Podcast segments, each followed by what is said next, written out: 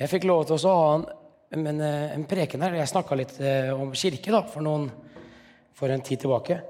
Og så forberedte jeg meg på natta, så tenkte jeg at gangen her så hadde jeg god tid på meg, så da skulle jeg ikke stresse. Og så fikk jeg influensa, og så lå jeg rett ut. Så endte jeg opp med at jeg måtte sitte og gjøre laget i natt. Uansett. Sånn er det. Men det er deilig med skippertak òg, da. Jeg har litt sansen for det. Jeg må jo være herlig. så det her er førsteutkastet. Det er det, her, det, er det, her, det er det jeg satt og skrev i går på kontoret her. Fra tolv til tre. Det er det dere får nå. Og jeg har så troa på, på, på Gud da, Den hellige ånd. Liksom. Jeg er jo ikke noe superrutinert på å preke. Men jeg, jeg bare jeg satte meg ned og begynte å skrive, og så gikk penn. Plutselig var det 14 sider. Så, så jeg, jeg, har litt troa på at, jeg har litt troa på at, ja, jeg har litt troa på at det er fra Gud. da. Og jeg så på, jeg fortalte Mathias i stad, jeg gikk jo notatene mine, for jeg har notert meg litt underveis. Så ser jeg på notatene mine eh, etter at jeg har skrevet ned. For jeg syns notatene mine var veldig bra. egentlig. Så bare, det var bare 30% kanskje av notatene som hadde kommet med. Så dere skulle bare visst altså, hva dere egentlig kunne fått. Hæ? Hvis jeg ikke hadde hatt influensa. Men eh, sist snakka jeg om hvor bra jeg syns kirke er. Og så i det siste så har jeg tenkt mye på hvor utrolig flott jeg syns mennesket er. Jeg elsker mennesker. Syns mennesker er utrolig spennende. Og så er det, eh, og så var Jeg ute jeg liker litt å få en overskrift. da, Ha et noe å forholde meg til.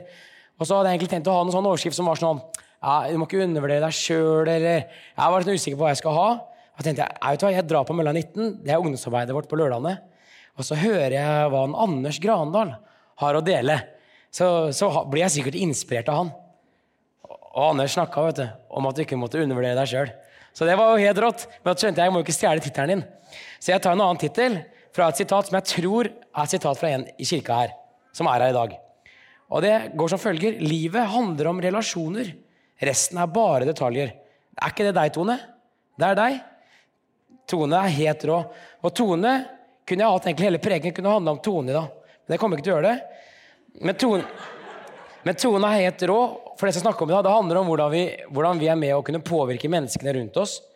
Og Det å kunne få lov til å være med og komme inn i konfirmantarbeid sammen med Tone og Ådel, og eh, få lov til å bli disippelgjort i voksen alder og komme inn i det, det var for meg som kom utenfra Jeg har ikke gått i 316 i mange år.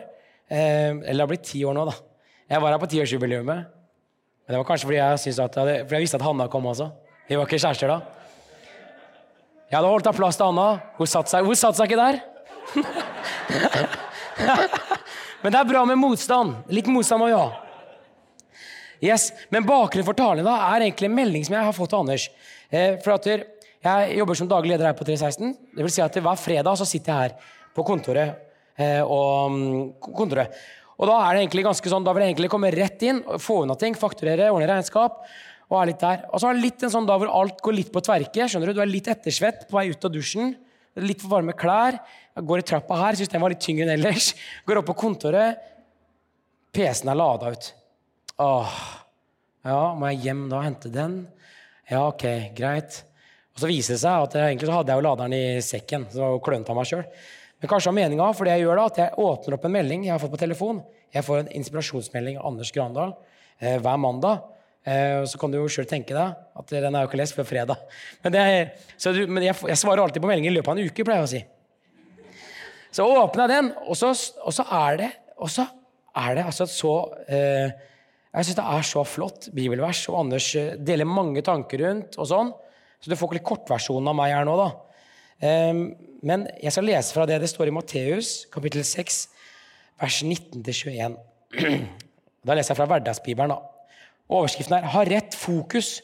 Bruk ikke livet til å samle skatter her nede på jorden, hvor ting blir gamle, møllspiste og rustne, og du kan bli frastjålet alt du har. Det er mye bedre at du samler deg skatter i himmelen, hvor det verken er møll, rust eller tyver som stjeler. Husk at der du velger å samle skattene dine, der vil også oppmerksomheten, interessen og kjærligheten din være. Det er vel der skattene er, der er hjertet ditt er, er jo kanskje det står i gamle Bibelen. Men her, det, her, legger de på oppmerksomheten, interessen og kjærligheten i været. Og plutselig så tenkte jeg jeg, jeg gidder ikke å dra hjem og hente den laderen. Nå skal jeg sitte her og reflektere litt. tenkte Jeg Som daglig, jeg er ikke bare regnskapsfører som daglig leder, jeg må reflektere litt også. Så reflekterte jeg litt over det. over hva er det egentlig Hva er det som er min skatt? Hvor er det hjertet mitt er? Eh, hva er egentlig jeg villig til å løpe så hardt for? Hva er det som driver meg, som jager meg videre i det, dette livet? Og så Konklusjonen min der jeg satt, det er at det eneste jeg kan investere i her nede, som ikke til slutt ruster eller blir spist opp av møll, det er jo mennesker. Det er iallfall det jeg konkluderte med. Det kan godt hende at det er mange ting jeg har glemt nå, men det er det det ble for meg. Det er jo mennesker, å investere i mennesker rundt meg. Det er jo det som kunne ha evighetsperspektiv. Og det som er fascinerende, opp på den preken her, så har jeg hatt et par anledninger hvor jeg har egentlig hatt lyst til å gjøre noe helt annet. Jeg har lyst til å gjøre noe veldig sånn ting som eh, ruster og kan bli spist på møll. Og så har jeg fått noen på døra. Og nå høres det ut som jeg er sånn som får masse besøk på døra. sånn. Det gjør jeg ikke. Men jeg har fått et par, par ganger hvor noen har kommet på døra og har lyst til å snakke med meg. da. Ja, kan vi du ha en prat, ja? Og så første tanke ah, Jeg hadde gleda meg til å klippe gresset. Og jeg elsker egentlig å klippe gress. Jeg, jeg, jeg, er sånn. Men selvfølgelig, jeg, skal, jeg, har konkludert med at mennesker er det viktigste i livet mitt. Det er det jeg kan investere i. Drit i det gresset. Jeg må jo snakke med vedkommende. Kjempesamtale. Angrer ikke på det hele tatt. Og også annen, et annet tilfelle. Så vakkert. Og Eh, jeg elsker jo kirke. Jeg syns det er et kjempekonsept. Men dere, mennesker mennesker synes jeg er så spennende. Mennesker er så vakre. Og jeg synes det er så vakkert med mennesker og mulighetene som ligger i relasjoner. Og det går selvfølgelig begge veier. Men å knytte et godt, ordentlig vennskap, hvis du har opplevd det, altså, det er jo utrolig. Ikke sant? Kanskje du til og med får oppleve kjærligheten. da. Tenk deg Jeg møtte et blikk her nå, så ble jeg drevet av gårde. Tenk å få oppleve det, at du elsker noen som elsker deg tilbake. Det er jo helt utrolig. Jeg synes ofte, Det pleier jeg å si til Hanna òg, eller kanskje jeg ikke sier det ofte nok. Men jeg synes det at å være gift altså det er jo et utrolig interessant konsept. Her kommer det to mennesker fra helt forskjellige verdener sammen. Skal bare slipes. Selvfølgelig er det litt friksjon. Men det å utvikle relasjon er så ja, det synes jeg er så spennende. da. Det blir litt rotete i starten, her, så kommer det til å ta en retning. så er advart. Jeg jobba på Ila fengsel i noen år, og der var det en fengselsprest som var veldig, veldig populær blant fanger. Eller eh, heter ikke fanger i Norge, egentlig. Ja, ja. Jeg får ta meg på woke på det. Mennesker er så mye mer enn sine handlinger, pleide han å si. Og jeg syns det er litt vakkert, selv om jeg selvfølgelig elsker historien om David og Goliat. Men jeg synes det er litt vakkert hjemme når vi har fått en barnebibel eh, her på mølla, for vi har barnesinna Fred og Per, som er barna til meg og Hanna. Og så, når Det Fred gjør når han ser at Goliat har fått en stein i panna og blør, og legger seg ned og gir Goliat en klem Jeg syns jo det er vakkert. Det er jo det. Klart, Goliat var jo Han er, han er jo barnet til noe, han òg. Han har vært god en gang, han òg. Han ville jo ikke bli en sånn dust som fløy der og var for å slåss og drepte folk. Men det ting skjedde underveis. da. Men så skal ikke jeg ødelegge den historien for dere. Det var sterkt at David vant. Det er bra. Men, men jeg synes det var men det er kult allikevel tilbake. Samle skatter for evigheten. Og i det hele tatt tenke i de baner. Det, da ligger det et ganske bøst premiss i bånn. For da tenker jo vi at vi lever med en hensikt. At det er intensjon med livet vårt. Hvis du tror på Jesus, tror at du har skapt det, så ligger det litt i bånn. Um, og så vet jeg ikke om hva du tenker om det. Men hvis du tenker at det er en plan med livet ditt, at, har, at det er en intensjon med livet vårt, så er det jo det, det noe vi virkelig må stoppe opp og reflektere over. For det er, jo, det er jo, klart at hvis det er en intensjon med livet vårt eh, Nei, det er klart at det er en intensjon med livet vårt. Iallfall hvis, du hvis du leser Guds ord. Så da er spørsmålet da, hvilken rolle er det du har? Hvilken rolle tar du? Og da var det to ting jeg egentlig hadde tenkt på. Det var ledelse og lederskap og disippelgjøring. Og disiplering det forsvant helt i nattens mulm mørke. Så da er det lederskap som kommer til fokus her nå. Men min påstand er da at alle som er her inne i rommet her, er ledere. Alle som er her inne, er ledere. Syns dere det er en drøy påstand? Det er lov å kunne synes det.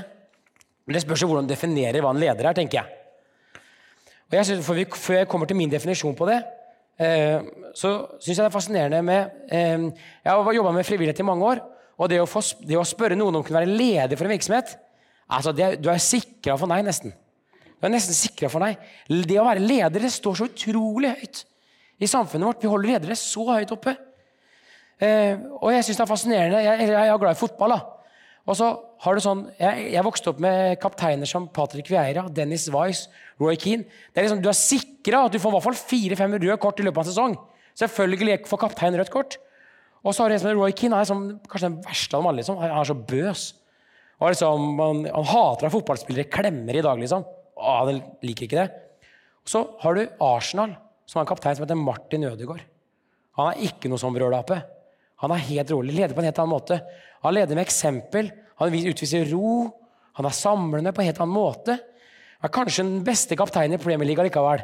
Norge, 24 år eller 25 år, helt utrolig. Helt forskjellig lederstil. Og nå begynner folk sakte men sikkert å skjønne at å ja, kaptein trenger kanskje ikke å være en sånn som driver og knekker beina på folk. Ikke sant? Og det er en podkast som jeg vil anbefale deg. Du kan få den fra etter meg. Jeg har ikke den på skjerm. Den er en som heter Craig Groschel, som ganske mange her vet jeg, altså kirken også hører på. Og Han definerer ledelse sånn som det her, og det er det utgangspunktet mitt da, for påstand. Leadership is influence. Altså Ledelse det handler om at du er en influenser, at du er med å påvirke. Altså Det er ikke tittelen som definerer om du er en leder. Hvis du påvirker, så er du en leder. Og i en eller annen setting, i stor eller liten grad, så har hver enkelt her inne noe eller noen de påvirker. Enten så påvirker du jo noen i familien din, på jobben din, vennene dine. Når du kommer hit. Du har jo mye å påvirke på en eller annen måte. Du er leder. Du bestemmer om det er en god opplevelse for søndagsskolen når de skal gå ut her, om du gidder å klappe og se dem i øya. Eller du tenker at det maset der, sånn klappemaraton, det gidder jeg ikke. Du bestemmer jo det, men da er du med på å påvirke negativt, mener jeg. Men du er fortsatt en leder. Det fins jo dårlig lederskap også. Hvorfor er, dette, hvorfor er dette så viktig, da? Jo, jeg tror, jeg tror, noen her, da, om ikke alle, trenger å tenke større om seg selv. Og lederskap, det er bibelsk. Det er innebygd i hele skapverket og alle Guds skaperordninger. Mennesket ble skapt til å styre og råde står det i starten av Bibelen. Første Mosebok 1,28. Eh, Så Det vil jo si at alle er skapt både til å lede og til å kunne bli leda. Og selvfølgelig, Selv om lederskapet er bibelsk, så er det sånn at makt dessverre, det misbrukes. Men det at dere, alle dere er ledere, det er ikke det som er poenget med talen i dag. da, Eller preken, eller hva du vil kalle det. Poenget det er at alle dere er influensere. Nå er det et ord som er litt sånn slitt ut av diverse bloggere. Men dere er alle med på å påvirke i en eller annen retning. Det vil si at om du går her i 316, forhåpentligvis da, så er du med å påvirke retningen til 316. Og Det er ikke sikkert du vet det, men i 316 så er visjonen en forandra menighet, en forandra by, gjennom barn og unge. Så hvis du tenker at 'Å, jeg elsker 316', for her synger de samme lovsangene som sang for ti år siden, da går du i feil kirke, hvis det er derfor du går her. For her er det en kirke som er i forandring. Det kommer til å se annerledes ut her når vi feirer 30-årsjubileum. For vi er ute etter og vi er ute etter å, ja, å følge med på hvordan eh, vi kan Selv om vi ikke er av verden, så lever vi i verden. Ikke sant? Hadde det vært sånn at eh, alt var bedre før, så hadde jo alle bedehusa vært fulle. Da hadde det bare bugna i bedehusa av folk. Og så hadde kirken om 316 hadde jo bare dødd ut. Hvis det var sånn at alt var bedre før. Og det er jo ikke sant. Så det at vi på en måte har en musikkstil som kanskje har et visst uh, uttrykk, som kanskje du ikke fant igjen for 50 år siden, er kanskje positivt. Og, men forandring ment er jo også at vi kobler oss på Jesus. Vi vil bli mer lik Jesus. Og når vi er med å bli en forandra ment, hver enkelt av oss, så selvfølgelig smitter det ut av veggene her. Så vi er med på å påvirke byen vår. Vi er med å forandre byen. Og jeg elsker Fredrikstad. Jeg elsker uh, Fredrikstad fotballklubb, stjernehockey. Jeg elsker bare bare gå i gatene. Uh, hvor fint det er på sommeren. Men jeg elsker jo menneskene i Fredrikstad også. Jeg ønsker at alle menneskene i Fredrikstad skal få lov til å kunne bli kjent med Jesus på den måten som jeg er. Og Det begynner først med at jeg må bli forandra og bli mer lik Jesus tenker jeg, her inne. Og så går vi ut og forandrer byen. Og så er det den siste setningen gjennom barn og unge. Og det handler om at vi legger trøkket inn på barn og unge. Så hvis du tenker at det viktigste for deg det er pensjonistarbeid og Israel-kveld Det, fins andre kirker for deg, i Fredrikstad. Det er ikke sikkert du får det her. Det er ikke sikkert, for det er ikke visjonen vår. Det er ikke det som, det ikke det som eh, for 20 år siden Tone og Rune og Eivind og mange flere gikk og fasta og, og ba til Jesus om. Rune ble slått ut, lå på gulvet hjemme. ikke sant? Var helt i koma i jeg vet ikke om det var en uke. Kunne ikke bli snakka til. Han var så slått ut av Gud. Han og Eivind hadde tanker, visjoner, drømmer fra Gud. Det er helt rått å høre på. Hadde, vi hadde besøk av en journalist, og jeg ba han om å sette på opptaket. Rune fortalte i tre timer om hvordan starten på 316 var. Altså, wow, det var helt rått. Selvfølgelig har det vart i 20 år, sier jeg. For at det her var så sterkt, det møtet der. Og jeg har tatt vare på det for fremtidige generasjoner. for Jeg fikk det av journalisten, så det er lagra heldigvis i systemet vårt. Og hvordan de søkte Gud og var så lydhøre. Og gikk fra liksom 150 ungdommer til liksom 300 til 800. Og liksom, ah, Vi stopper ikke der. Pressen er negativ mot oss. Det var ingen som brydde seg om det. virker som, det jeg liksom kan lese av det. Det var ikke noe fokus på det. Det var fokus bare på kallet og det visjonen som var lagt ned i hjertet deres. Bare kjørte på videre. Ja, da bare droppe Panko. Vi bare leier Østflalen, liksom. Hvem er det som gjør det? Hvis ikke du har, hvis ikke du har måte, kall fra Gud. Jeg, det er så rått å, å høre på. Og det, liksom, og det, her er liksom fundamentet til kirka vår. Det er folk som går i kirka her, som har møtt opp hver lørdag, rigga opp eh, der oppe. Så det er 1200 ungdommer som fikk lov til å kunne høre om Jesus i hvert fall et kvarter da, hver lørdag. Og rigga ned igjen til klokka to-tre på natta. Reiste hjem igjen, og så feira de på gudstjeneste klokka fire på søndag. Hver helg. Og i tillegg på sisten kjørte Barnas eliteserieklubb. Hadde dere familie, eller? Hadde dere jobb? Dere var jo helt gærne. ikke sant? Men de hadde en pasjon for noe. De skjønte at de hadde påvirkning. Og hadde Yes. Her ble det en kjempedigresjon.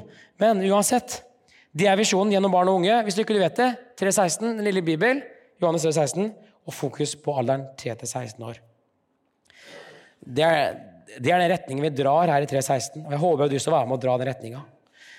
Og så kunne jeg kommet med mange eksempler her nå. for at eh, jeg, jeg, det, det, som er mest spennende med å kunne gå i kirke, det er å kunne se hvordan et menneske kan måtte, prosessen et menneske. Og jeg er heldigvis veldig heldig, for jeg er tett på eh, inn i ungdomsarbeid. da.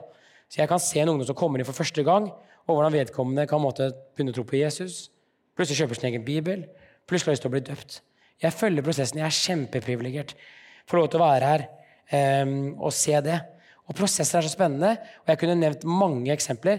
Men da har jeg ikke spurt om det er greit, så jeg skylder meg sjøl som utgangspunkt i dag. For, nå, for det, det, er ikke sånn at det er ett menneske som har betydd alt for meg hele livet. Selvfølgelig Jesus, da, han ligger der oppe, men av folk som har vært med å påvirke. Eh, ikke sant? Alle dere er ledere, dere kan være med å påvirke. Og helt i bånn i mitt liv, da Jeg er bevart i dag, så det er utgangspunktet mitt. Da, alle som har meg i retningen her i dag. Mamma og pappa er kristne. Takk Jesus for det vært med lagt et solid fundament til meg. Ikke alltid på gudstjeneste på lørdag. Det var aldri tvil. Eh, gudstjeneste hver lørdag, altså kanskje på søndag, men det var lørdag jeg alltid gikk på gudstjeneste. da. Og Jeg så mamma og pappa, forbilder, gikk i det her, og det har påvirka meg uten tvil. Og så fikk jeg lov til å gå på søndagsskole. Og vet, vet dere hvem jeg hadde der? Der hadde jeg to søndagsskolelærere. Jeg hadde sikkert flere, men det er dem jeg husker nå. Det er Wenche Wold og Bjørn Hofmo. Bjørn Hofmo har kanskje dere hørt før. Han sitter i salen her i dag. Bjørn Hofmo han var min søndagsskolelærer. Tenk deg frukten av det. Kan vi stå her nå og gå i samme kirke? Det er jo helt utrolig. Det er jo vakkert. Det er ikke sikkert Bjørn tenkte det om han bråkmakeren som aldri holdt kjeft.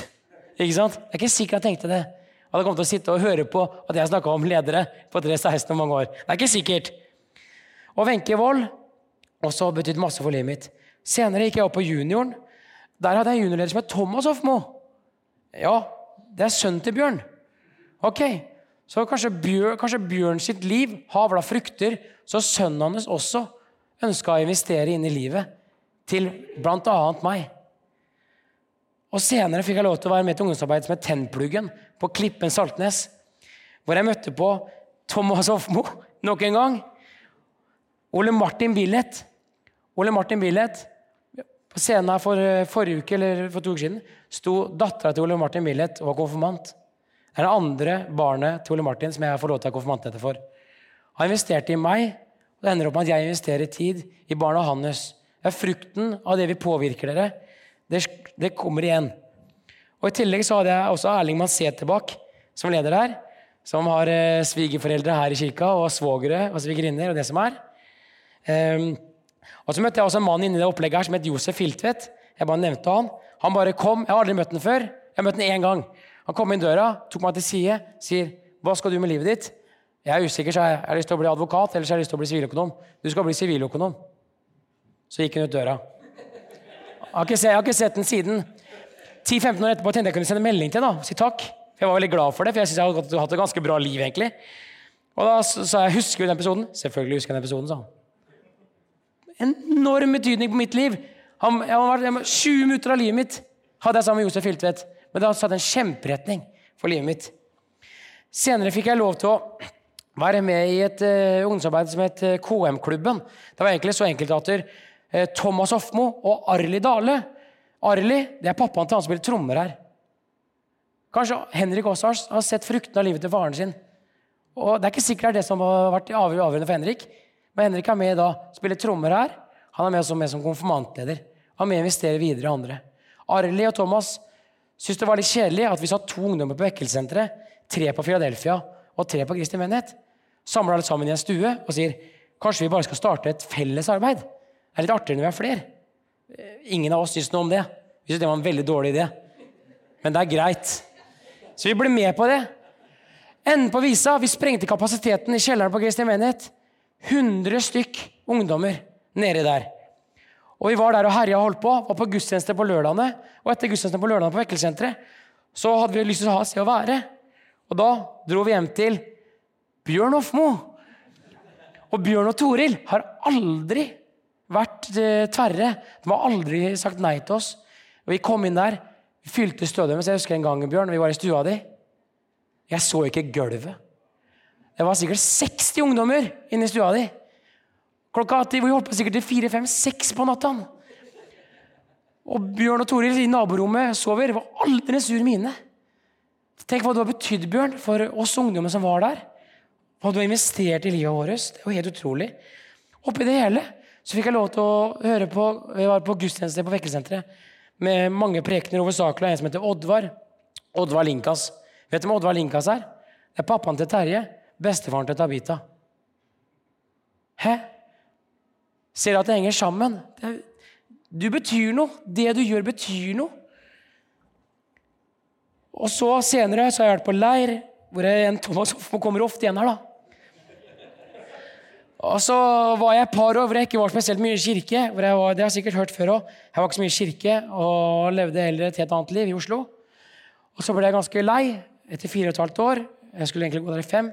tenkte jeg, det gidder jeg ikke mer. Det her er helt tafatt. Det her er, ja, Jeg vil jo tilbake til å ha en nære relasjon med Jesus. Det var bare én som har sendt melding til meg underveis i disse åra. Det var Thomas Hofmo. Så jeg sier det er greit. Jeg hadde endt å på Soé, men uh, greit, jeg gir en sjanse til 316. Kom, har vært der siden.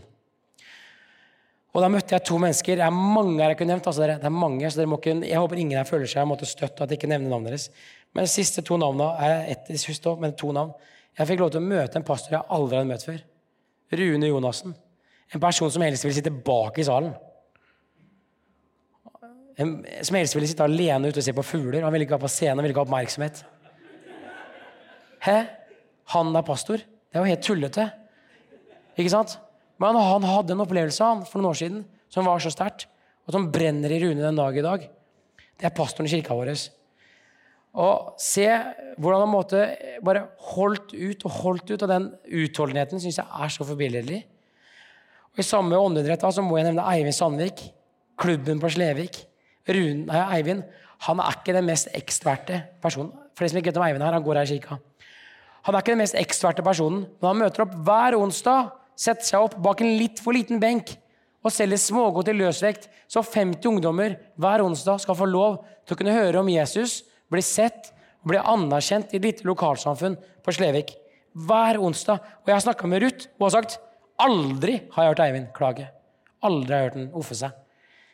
Det syns jeg er helt rått. Jeg kan, også, jeg kan offe meg litt. Men altså, wow, sier jeg bare. Helt rått. Jeg husker også, jeg må ta det, jeg, er, jeg, jeg sa det i bryllupstalen min da jeg takka Rune. Han har noen ganger sånne sitater hvor jeg føler at det er sånn Jesus-like sitater over det han sier. Jeg husker en vi kjørte utafor her, og så er det en som står og røyker utafor. Og så sier jeg til ham, Øy, Rune, syns du om folk røyker utafor kirka? Så ser han på meg og sier ah, jeg vet liksom ikke hva som er verst. Er det at noen røyker, eller at noen baksnakker? Er det mulig? Det var så vondt å få den. Selvfølgelig, Jeg hadde jo bomma helt på bildet. Helt kongen, det røyk deg i hjel utafor. Men kom på gudstjeneste. Vær i kirka. Du kommer raskere til himmelen Mara, hvis du røyker, så du bør ikke gjøre det. Sist, men ikke minst nevnte jeg en person som selvfølgelig de siste åra har hatt enorm påvirkning på livet mitt og mitt kristenliv. Og det er Hanna Skåra, som jeg er gift med i dag. Han har hatt enorm påvirkning på livet mitt. Og Hanna er dattera til Rune. Ikke sant? Rune har investert masse tid. Forloveren min i bryllupet det var Fredrik. Fredrik er sønnen til Eivind. Jeg kunne hatt mange sånne historier. Jeg kunne hatt mange som er her.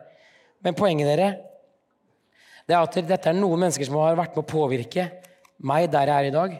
Og Vi kan jo gjøre en liten øvelse også. Det er jo bare kult å se om det er, om det er flere enn meg her. Når jeg leser de navnene her og nevner de tingene her, er det sånn at dere ser for dere noen personer, én eh, eller flere, som har betydd noe for deg, for der du er i dag? Og Hvis det er det, så kan du rekke en hånd i været. Tenk dere det, dere. Det er helt utrolig. Du, alle som er her nå, jeg sier til alle dere, du kan være den personen for noen. Du kan ikke være det for alle, men du kan være den personen for noen. Vi må ikke tenke litt om hverandres bidrag, og du må i hvert fall ikke tenke litt om ditt eget bidrag.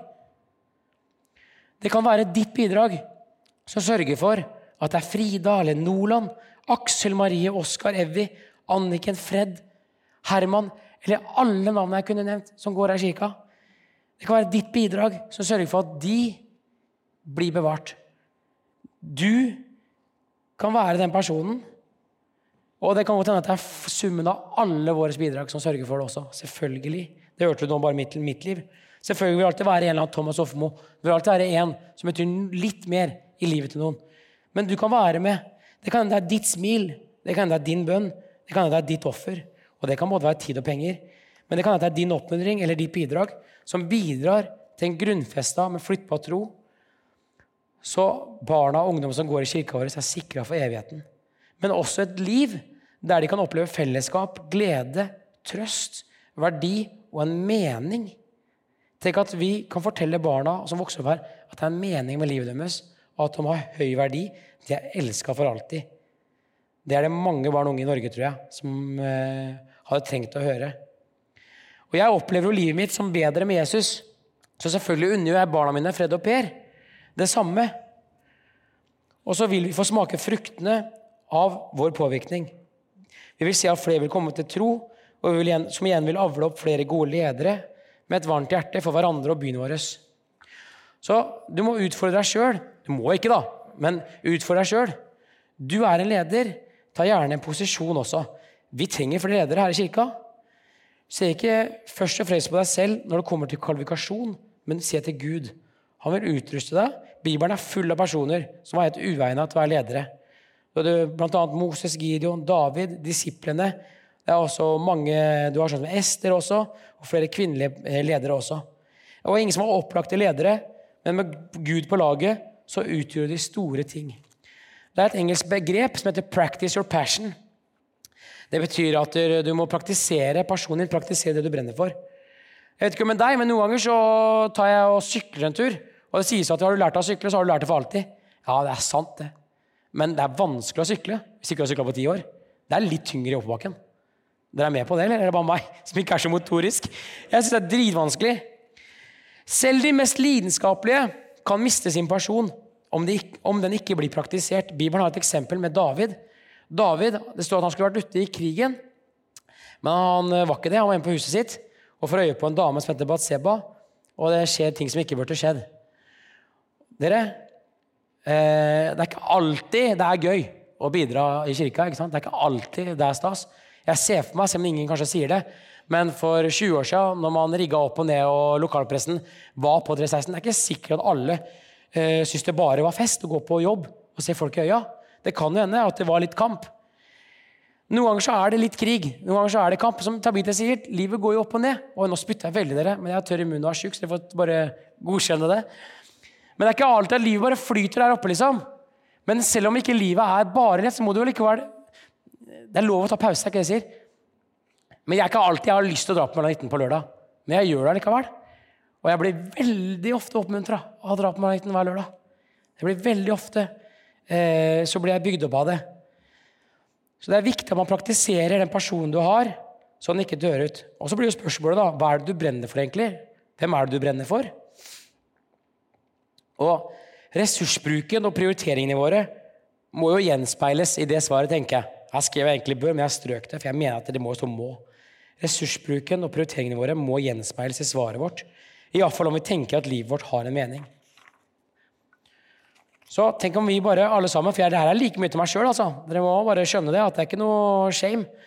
Men jeg, en bønn til meg sjøl Tenk om vi bare kunne finne fram personen, den første kjærligheten, som Bibelen snakker om. Jeg kan få litt dårlig samvittighet når jeg hører det. Men tenk om vi bare finner fram personen, og så kan vi bli en forandra menighet. Som igjen forandrer byen vår med hovedfokus på barn og unge. Og så har jeg lyst til å avslutte med to bibelvers som jeg syns passer bra opp mot visjonen.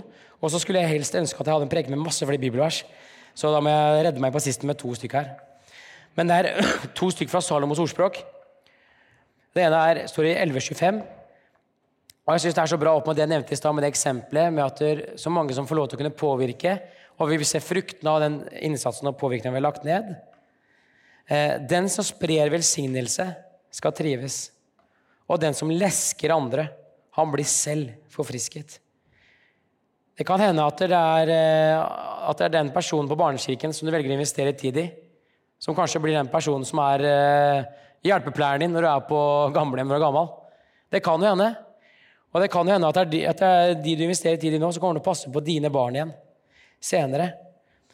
Det som sprer velsignelse Du trives. Sjekk. Alle vil jo trives, antar jeg. Og lesk andre, og du blir selv forfriska. Og det siste Hvorfor, og Det er også en utrolig god oppsummering på hvorfor man satser på barn og unge. Salons ordspråk 22,6. Lær den unge den veien han skal gå, så viker han ikke fra den når han blir gammel. Yes. Takk for at du er med og går i 316. Jeg elsker å gå i kirke sammen med dere. Ja, jeg håper at det var til oppmuntring for deg, og at du øh, tenker at du er en leder og har lyst til å være med og bidra inn i Guds rike. Jeg tror det også er en kjempeinvestering for ditt eget liv.